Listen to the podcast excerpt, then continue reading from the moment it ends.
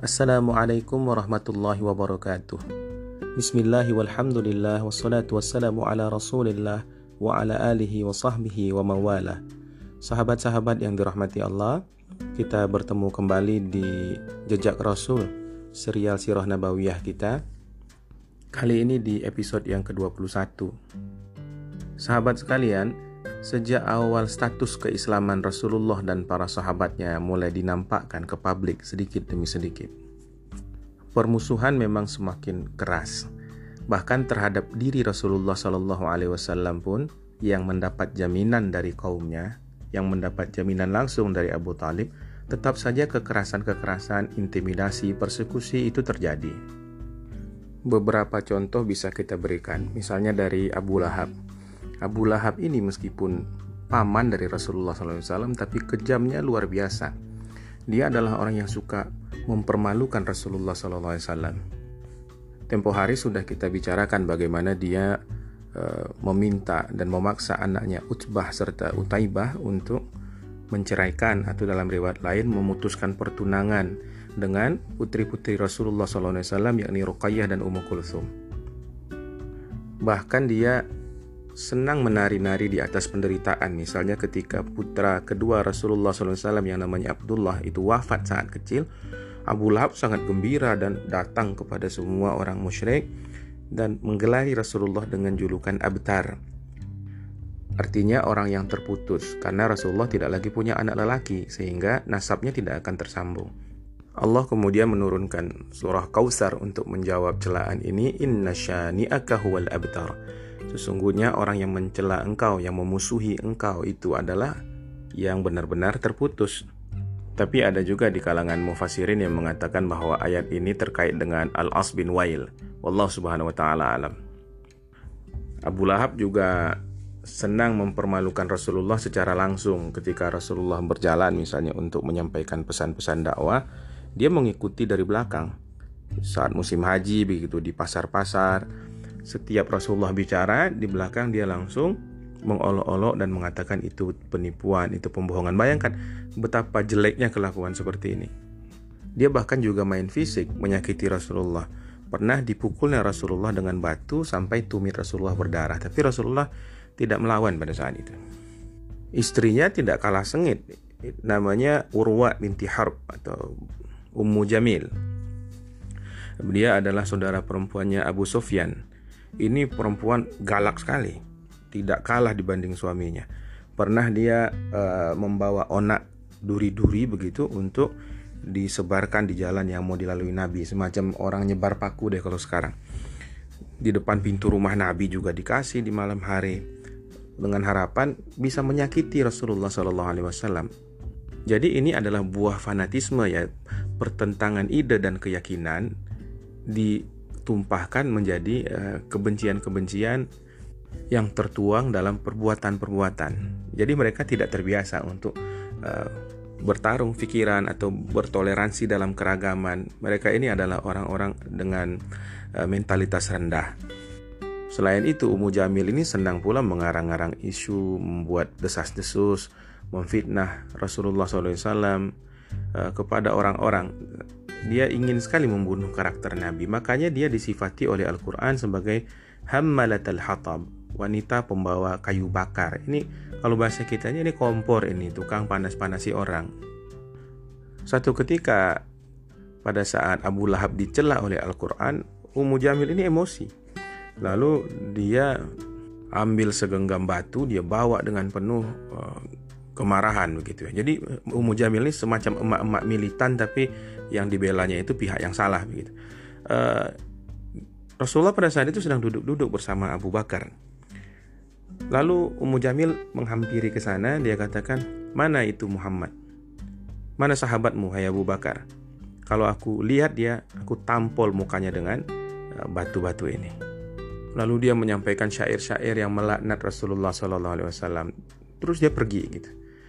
Uh, setelah dia pergi, Abu Bakar bertanya, "Ya Rasulullah, apa engkau melihat dia atau dia melihat engkau?" Ya, ya saya pasti lihat dia kata Rasulullah, tapi dia tidak dapat melihat saya karena dia sudah ditutupi pandangannya oleh Allah Subhanahu wa taala. Ini adalah bentuk perlindungan Allah kepada Rasulullah, perlindungan keselamatan dan harga diri. Masa Nabi berkelahi sama emak-emak kan nggak lucu. Padahal orang ini, Abu Lahab itu bertetangga dengan Rasulullah SAW. Jadi mereka itu berdekatan sekali rumahnya. Sudahlah paman, tetangga, rumahnya menempel dindingnya dengan rumah Rasulullah, tapi tega mereka melakukan hal yang demikian. Jadi Nabi sekalipun pada saat itu sedang berada di dalam rumah, tetap digangguin orang di rumahnya sendiri. Orang-orang yang sedang mengganggu Rasulullah itu ya Abu Lahab, eh, Hakam bin Abdul As, Uqbah bin Abi Mu'id namanya. Ada beberapa nama yang sangat getol itu untuk uh, menyakiti dan mendatangkan gangguan-gangguan kepada kehidupan Rasulullah Shallallahu Alaihi Wasallam. Di antara mereka itu ada yang melempar Rasulullah dengan jeroan kambing pada saat Rasulullah sholat.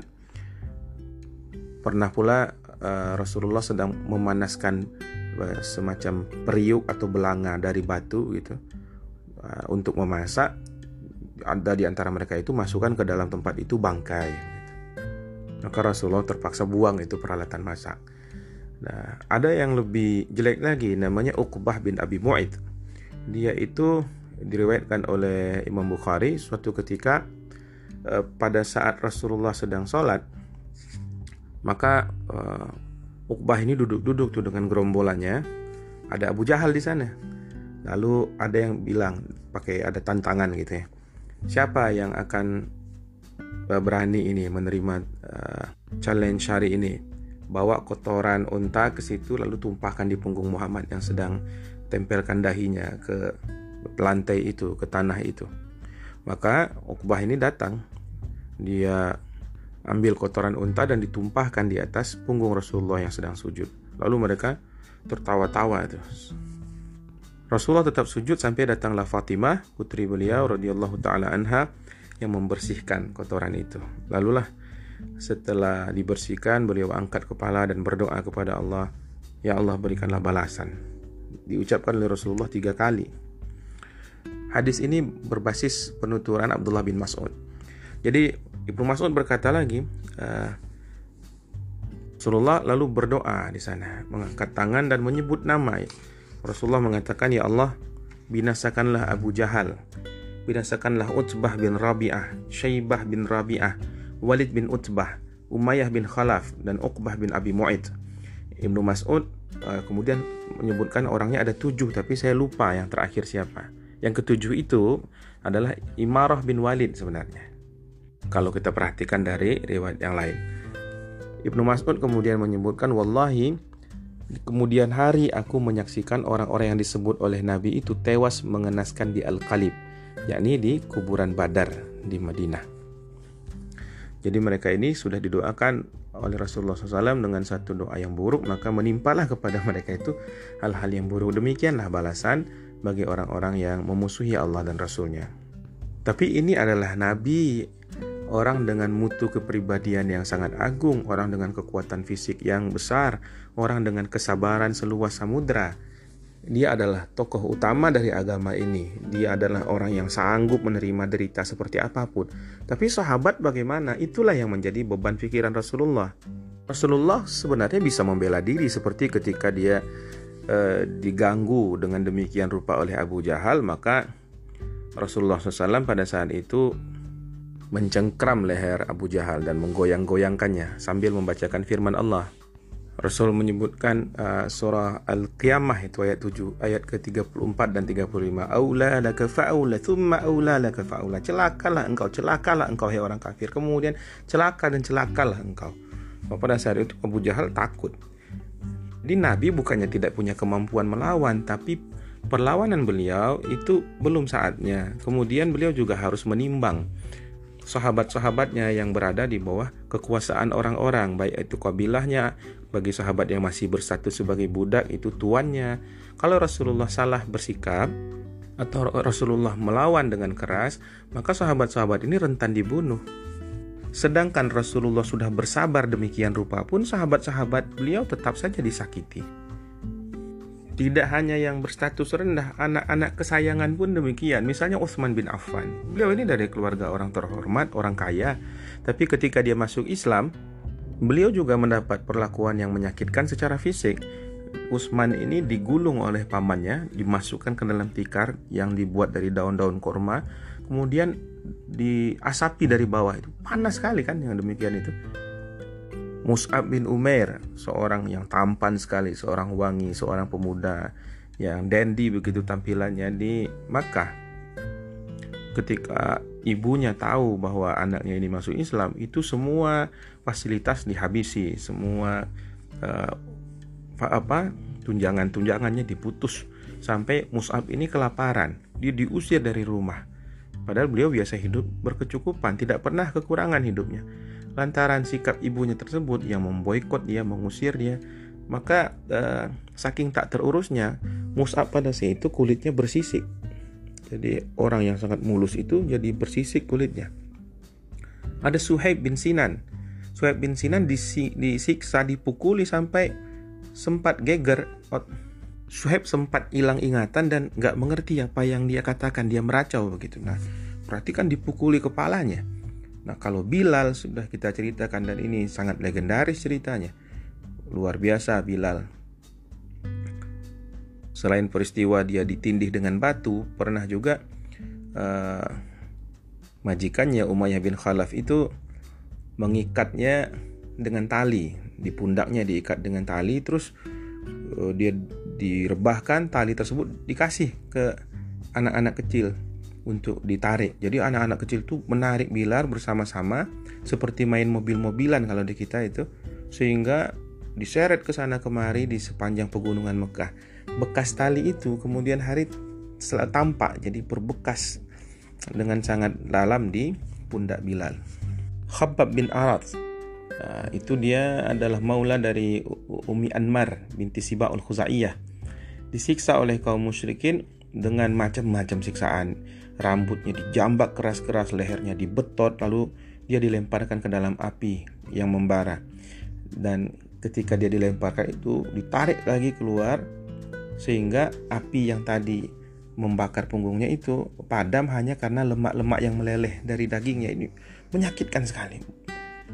Nah, puncak dari itu semua tentu yang sampai mengakibatkan kematian seperti yang diderita oleh keluarga Yasir para syahid pertama di kalangan umat Islam. Yasir itu meninggal karena kesakitan disiksa, sedangkan istrinya itu ditusuk oleh Abu Jahal dari bagian kubulnya sehingga meninggal dunia seketika itu juga. Dialah syahidah yang pertama di dalam Islam. Jadi eh, penyiksaan itu mengerikan.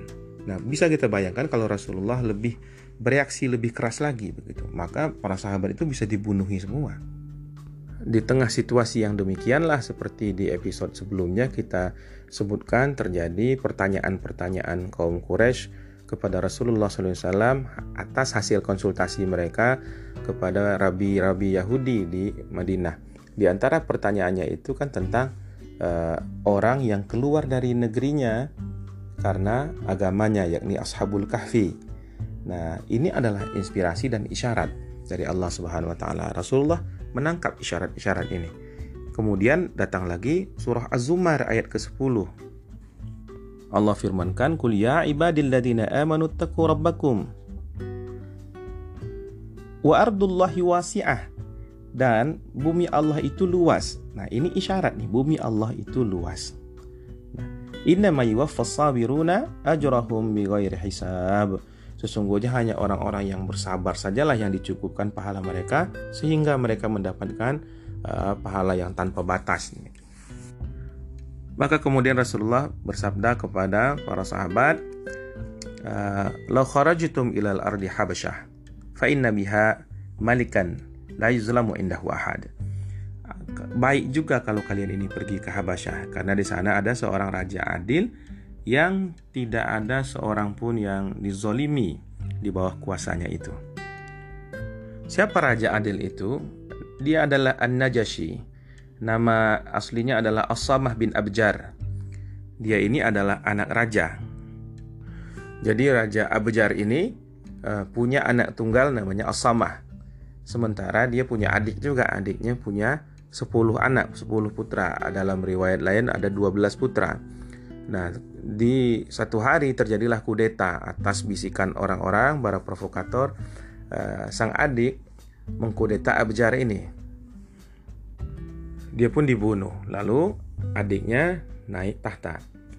Nah, Najasyi itu adalah orang yang menonjol, orang yang punya bakat kepemimpinan alami sehingga di bawah asuhan pamannya itu dia terlihat malah lebih populer di mata rakyat maupun para pembesar di Habasyah daripada sang raja sendiri, raja yang kudeta tadi. Maka para pembisik si raja ini katakan, ah, anaknya Abjar ini, ponakanmu itu ternyata lebih populer daripada engkau. Nah, kalau nanti dia yang jadi raja, ini bahaya ini. Ini tabiat orang-orang yang ada di si pinggir-pinggir kekuasaan para pembisik-pembisik yang munafik dari zaman ke zaman itu memang begini. Dia berbicara seolah-olah untuk kepentingan orang lain, untuk kepentingan bosnya, untuk kepentingan rajanya. Padahal itu for the sake of themselves. Itu adalah untuk menyelamatkan diri mereka masing-masing. Kenapa? Karena kalau uh, Asamah bin Abjar an-Najasyi ini yang jadi raja dan nanti terbongkar apa semua konspirasi mereka termasuk makar membunuh ayahnya itu kan eh, bisa jadi dibalaskan kepada mereka dengan hukuman yang berat. Mereka tidak mau itu terjadi. Engkau bunuhlah dia sekarang.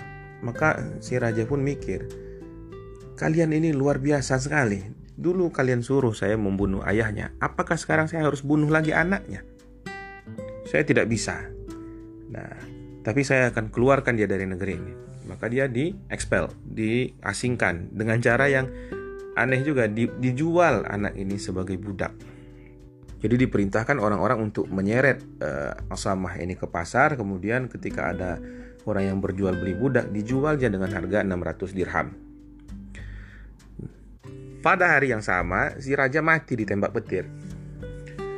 Lalu kemudian uh, orang-orang Habasyah ini, terutama para penasihat-penasihat kerajaan ini mengangkat putra dari si raja, salah seorang di antara mereka untuk memimpin. Tapi memang jauh dari kepatutan. Tidak ada di antara mereka itu yang cerdas dan tanggap. Mereka itu bodoh dan tidak memiliki uh, kualifikasi menjadi seorang raja. Akhirnya mereka berkata, "Salah kita. Bagaimanapun negeri ini harus dipimpin, maka kita carilah kembali anak dari Abjar." Maka uh, sebagian mereka mencari Asama dan didapati di pasar sedang diperjualbelikan juga diambil secara paksa dari pedagang itu kemudian dibawa ke istana dan mereka pun uh, menobatkan dia menjadi raja. Nah, sang pedagang itu tidak terima ya, tapi nggak bisa melawan juga. Dia berkata kepada orang-orang itu, gimana saya sudah beli orang itu 600 dirham. Sekarang pulangkan uang saya, kembalikan uang saya, atau biarkan saya menghadap kepada Tuan Raja atau mereka nggak bisa. 600 dirham itu tidak akan kembali. Dengan segala kecongkakan dan arogansi bagaimanalah uh, seorang pedagang itu mau melawan kepada penggawa-penggawa kerajaan? Sulit itu. Berurusan dengan orang-orang besar dengan birokrat-birokrat ini memang agak sulit merepotkan karena mereka punya power. Maka kata mereka, ya silakan saja engkau bertemu dengan raja. Mereka tidak mengira apa yang akan terjadi selanjutnya. Lalu menghadaplah sang pedagang kepada Raja Najasyi. Dia berkata, "Wahai tuan raja, aku ini pernah beli seorang budak di pasar, harganya 600 dirham. Ketika aku mau pulang membawa budak itu, aku dikejar oleh orang-orang. Kemudian dia diambil paksa dariku tanpa ada ganti rugi. Bagaimana ini wahai tuan raja?" Lalu Najasyi mengatakan, "Kembalikan uangnya atau budak yang disebutnya itu akan menyerahkan dirinya kembali kepada pedagang ini dan pergi pulang bersama pedagang ini mengikutinya. Maka kata orang-orang jangan tuan raja. Oleh sebab itulah diberikan e, kembali haknya si pedagang. Ini adalah awal mula orang mengenal keadilan Najasyi bahkan kepada dirinya sendiri demikianlah cara dia bersikap. E, kata Ibnu Ishaq dari riwayat dari Yazid bin Ruman, dari Urwah bin Zubair, dari Aisyah radhiyallahu taala anha yang mengatakan bahwa Najasyi ini ketika wafat itu kuburannya ada cahaya. Nah, ke negeri Habasyah itulah negeri yang dipimpin oleh seorang raja adil yakni Asamah bin Abjar an-Najasyi itu uh, ke sanalah kaum muslimin diarahkan oleh Rasulullah untuk bermigrasi. Kejadian ini berlangsung di bulan Rajab tahun kelima dari nubuah. Ada 12 orang laki-laki dan empat orang dari kalangan uh, sahabat Nabi ini yang berhijrah ke sana dipimpin oleh Utsman bin Affan radhiyallahu taala anhu uh, yang didampingi oleh istri beliau Ruqayyah binti Rasulullah. Mereka keluar tengah malam mengendap-endap menuju pantai di daerah Asyuaibah. Uh, orang Quraisy ada yang tahu pada saat itu. Dikejar tapi sudah terlambat. Mereka sudah berlabuh. Mereka sudah berlayar begitu. Lalu mendaratlah, berlabuhlah mereka di uh, Abyssinia atau Habasyah atau Ethiopia sekarang. Dan di sana memang mereka disambut baik. Negeri itu mayoritas uh, orang-orang di sana beragama Nasrani jadi tidak sia-sia perjalanan mereka mengarungi Laut Merah itu. Mereka di sana mendapatkan perlakuan yang layak. Tatkala mereka sedang tinggal di Habasyah itu terjadi satu kejadian di bulan Ramadan. Jadi mereka kan berangkat bulan Rajab, lalu dua bulan lebih kemudian hampir tiga bulan terjadilah satu peristiwa yakni di bulan Ramadan ketika Rasulullah membaca surah An-Najm di tepi Ka'bah Nah, pada saat itu Nabi membaca dengan sangat syahdu, orang-orang kafir di situ mendengar dan tidak kuasa mengendalikan hati mereka. Mereka terhanyut dalam lantunan ayat Al-Qur'an itu. Ketika Rasulullah sujud di akhir surat, ada di situ uh, sujud tilawah pada ayat fasjudu lillahi wa'budu, maka bersujudlah kepada Allah dan sembahlah Dia. Rasulullah sujud. Dan orang-orang kafir itu karena terbawa suasana ikut sujud rame-rame. Nantinya orang-orang musyrik ini karena malu dengan dirinya itu mengarang-arang cerita. Inilah uh, yang kita sebut sebagai uh, kisah Gharanik uh, di mana ini sangat kontroversial mendatangkan debat-debat juga di kalangan para ulama ahli sejarah para ahli hadis para mufassirin. Tapi tidak kita ceritakan lah karena hal ini juga tidak terlalu penting. Yang jelas mereka ikut bersujud karena terbawa suasana lalu mereka cari alasan tuh. Enggak kami enggak sujud kok. Kami tadi dengar ayat-ayat yang lain yang menyatakan bahwa Muhammad sudah menerima ketuhanan dan kita bisa saling toleran ini. Yakni ketuhanan berhala-berhala maksudnya. Jadi ini agama bisa sinkretik begitu bisa uh, dipadu padankan saja apa yang dibawa oleh Nabi nanti bisa diterima kemudian uh, agama-agama leluhur mereka yang sudah menyimpang itu juga diterima oleh Nabi. Tapi kan tidak begitu kejadiannya. Nah orang-orang yang sedang ada di Habasyah itu kan update ya, update kondisi tanah air. Gitu. Bagaimana apa kejadian yang ada di Makkah, mereka selalu dapatkan kabar-kabar itu. Mereka berusaha cari info. Sebab bagaimanapun indahnya negeri orang, ada ikatan kita dengan tanah tempat kita tinggal dan tempat kita lahir kata orang-orang kita lebih baik apa hujan batu di negeri sendiri daripada hujan duit di negeri orang ya ya gak gitu-gitu amat sih jangan sampai kita kehujanan batu juga di negeri sendiri tapi memang kampung halaman itu menjadi tempat yang menenteramkan hati tapi karena ya informasi tidak lengkap yang didapatkan karena juga jalur informasi pasti susah waktu itu eh, mereka dapatkan cerita yang sepenggal-sepenggal sujudnya kaum eh, kafir Quraisy ketika Rasulullah membaca surah An-Najm itu dianggap adalah penerimaan orang-orang Makkah itu terhadap agama yang dibawa oleh Rasulullah SAW. Maka orang-orang muhajirin ini pun bergembira, wah orang kampung kita udah beriman nih. Lalu mereka pun pulang, pulang kampung. Nah, baru tiga bulan dia mendapatkan kehidupan yang aman, mereka pun pulang kampung. Ketika perjalanan itu sudah hampir dekat Mekah, barulah mereka mendapatkan kabar yang sebenarnya bahwa permusuhan masih kuat di kalangan orang-orang Quraisy terhadap Nabi Muhammad SAW. Adapun kejadian sujud itu ya itu hanya sebuah kejadian yang menampakkan mukjizat Quran saja. Nah, tapi mereka sudah susah untuk kembali ke Habasyah. Perbekalan sudah hampir habis. Jadi mau tidak mau harus diteruskan perjalanan sampai di Makkah. Nah, ketika di Makkah mereka disambut lagi oleh siksaan-siksaan. Seorang di antara mereka yang sebenarnya mendapatkan perlindungan. Nama beliau Usman bin Mas'un. Beliau memilih uh, untuk solider. Jadi ada solidaritasnya kepada sesama saudara-saudara muslimin sehingga dia lepaskan jaminan keamanan dari dia itu dan beliau pun turut mendapatkan siksaan juga. Demikianlah uh, mutu keimanan orang-orang generasi pertama dari kalangan kaum muslimin ini. Setelah sempat kecolongan dengan lolosnya uh, delegasi muhajirin yang pertama ke Habasyah, frekuensi penindasan dan penyiksaan orang-orang Quraisy terhadap kaum muslimin semakin menjadi-jadi. Mereka makin bertambah berang lagi karena mendengar kabar orang-orang ini sempat diperlakukan dengan baik oleh Raja An-Najasyi eh, di Habasyah. Dan mereka juga tahu bahwa Nabi membolehkan kaum muslimin untuk kembali berhijrah ke sana, maka mereka siaga penuh.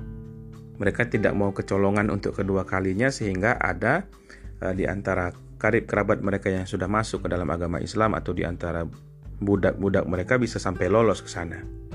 Berbagai tindakan antisipatif diambil tapi akhirnya lolos juga. Berangkatlah delegasi hijrah yang kedua dengan jumlah yang lebih besar lagi. Para muhajirin ke Habasyah di gelombang kedua ini jumlahnya 83 orang laki-laki dan 18 atau ada yang juga mengatakan 19 orang wanita. Jadi seratusan kaum muslimin ini uh, berlayar mengarungi Laut Merah kemudian menyeberang ke Habasyah dan di sana kembali mereka diterima dengan baik oleh Raja Najasyi dan diberikan perlindungan dan proteksi di negerinya itu. Benarlah ucapan Rasulullah SAW bahwa itu Habasyah wahiyya ardu sidq. Kata Rasulullah itu adalah bumi kejujuran. Perginya seratusan orang kaum muslimin ke Habasyah ini menimbulkan satu perasaan marah yang amat sangat di kalangan kafir Quraisy mereka tidak bisa terima orang-orang ini lolos. Jadi permusuhan itu sudah mendarah daging ya, sudah berurat berakar. Harusnya mereka itu kan hanya proteksi negerinya kalaulah memang tidak senang bahwa ada ajaran-ajaran baru yang akan merusak menurut mereka bisa menjungkir balikkan keyakinan yang sudah mereka anut dalam berabad-abad ya yang diurus itu harusnya kan kampungnya sendiri saja tidak sampai merambah ke mana-mana tapi permusuhan ini sudah kental sehingga ke mana pun orang-orang beriman ini lari akan diburu. Pokoknya urusannya harus rusak begitu. Tidak boleh sukses, harus digagalkan apa pun upaya mereka. Maka eh, orang-orang Quraisy memutuskan untuk mengirim utusan untuk melakukan lobby dan diplomasi kepada kerajaan Habasyah agar mau supaya berkenan mengembalikan, menyerahkan orang-orang yang telah berhijrah itu ke tangan uh, orang-orang Quraisy kembali ke Makkah. Yang diutus itu tentu tidak bisa orang sembarangan, maka dipilihlah orang-orang yang sudah teruji baik kecerdasannya, kepiawaiannya dalam uh, lobby dan diplomasi, juga uh, kefasihannya dalam kata-kata. Dipilihlah Amr bin As pada saat itu belum lagi masuk Islam tentunya dan Abdullah bin Abi Rabi'ah.